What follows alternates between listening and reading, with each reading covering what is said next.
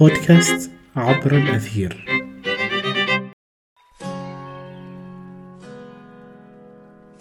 الفيلسوف اليوناني فيثاغورس والمدرسة الفيثاغورية.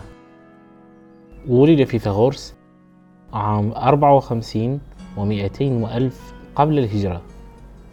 يوافقه عام 70 و500 قبل الميلاد في مدينة ساميا ولفظها الغربي ساموس. وهي على جزيرة تحمل نفس الاسم شرقي بحر إيجا وعلى ضفاف الأناضول.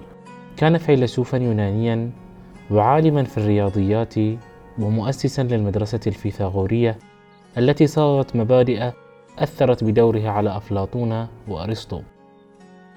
وقد ذكر الشهرستاني في كتابه الملل والنحل عن فيثاغورس قال من أهل ساميا وكان في زمان سليمان النبي بن داود عليه السلام. وقد أخذ الحكمة من معدن النبوة وهو الحكيم الفاضل ذو الرأي المتين والعقل الرصين.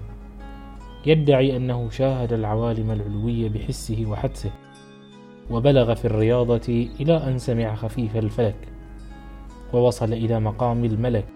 وقال ما سمعت شيئا قط ألذ من حركاتها ولا رأيت شيئا أبهى من صورها وهيئاتها. انتهى. قال الدكتور عبد الرحمن بدوي لم تكن المدرسة الفيثاغورية مدرسة فلسفية وحسب بل كانت إلى جانب هذا أو قبل هذا مدرسة دينية أخلاقية على نظام الطرق الصوفية. فإلى جانب المبادئ الفلسفية التي قالت بها هذه المدرسة توجد مبادئ صوفية ومذاهب متصلة بالزهد والعبادة ولذا يجب على مؤرخ الفلسفة أن يميز تمييزا دقيقا بين المذاهب الفلسفية الخالصة في هذه المدرسة وبين مذاهبها الدينية والأخلاقية. خصوصا وقد أفضى عدم التفرقة بكثير من المؤرخين إلى الخلط والتناقض في فهم مذهب الفيثاغوريين. لنحاول الآن أن نعرض الأقوال الفلسفية الخالصة التي قالوا بها صارفين النظر عن الأقوال الأخلاقية الدينية. انتهى. ترتكز الفيثاغورية على القول بأن كل شيء هو العدد أي أن جوهر الأشياء هو العدد. وتوجد هناك صيغتان مختلفتان لفهم رأي الفيثاغوريين. الصيغة الأولى هي أن جوهر الأشياء نفسها أعداد أي أن الأعداد هي التي تكون جوهر الأشياء. أما الصيغة الثانية هي أن الأشياء تحاكي الأعداد. وبعبارة أخرى أن الأشياء قد صيغت لتحاكي نموذجا أعلى ألا وهو العدد.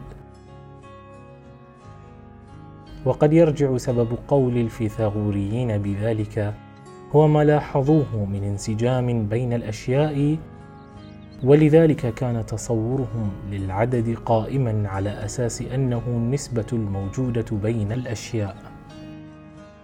ودافع الفيثاغوريين للقول بذلك هو ملاحظتهم لانسجام الأشياء عموما وخصوصا الانسجام الحاصل في حركة الأفلاك.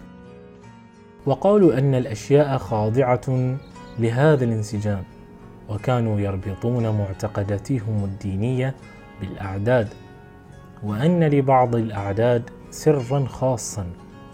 وبهذا كانوا متأثرين بالمذاهب الشرقية وخصوصا البابلية منها حيث يعتقد أن فيثاغورس سافر إلى بلاد الرافدين في شبابه.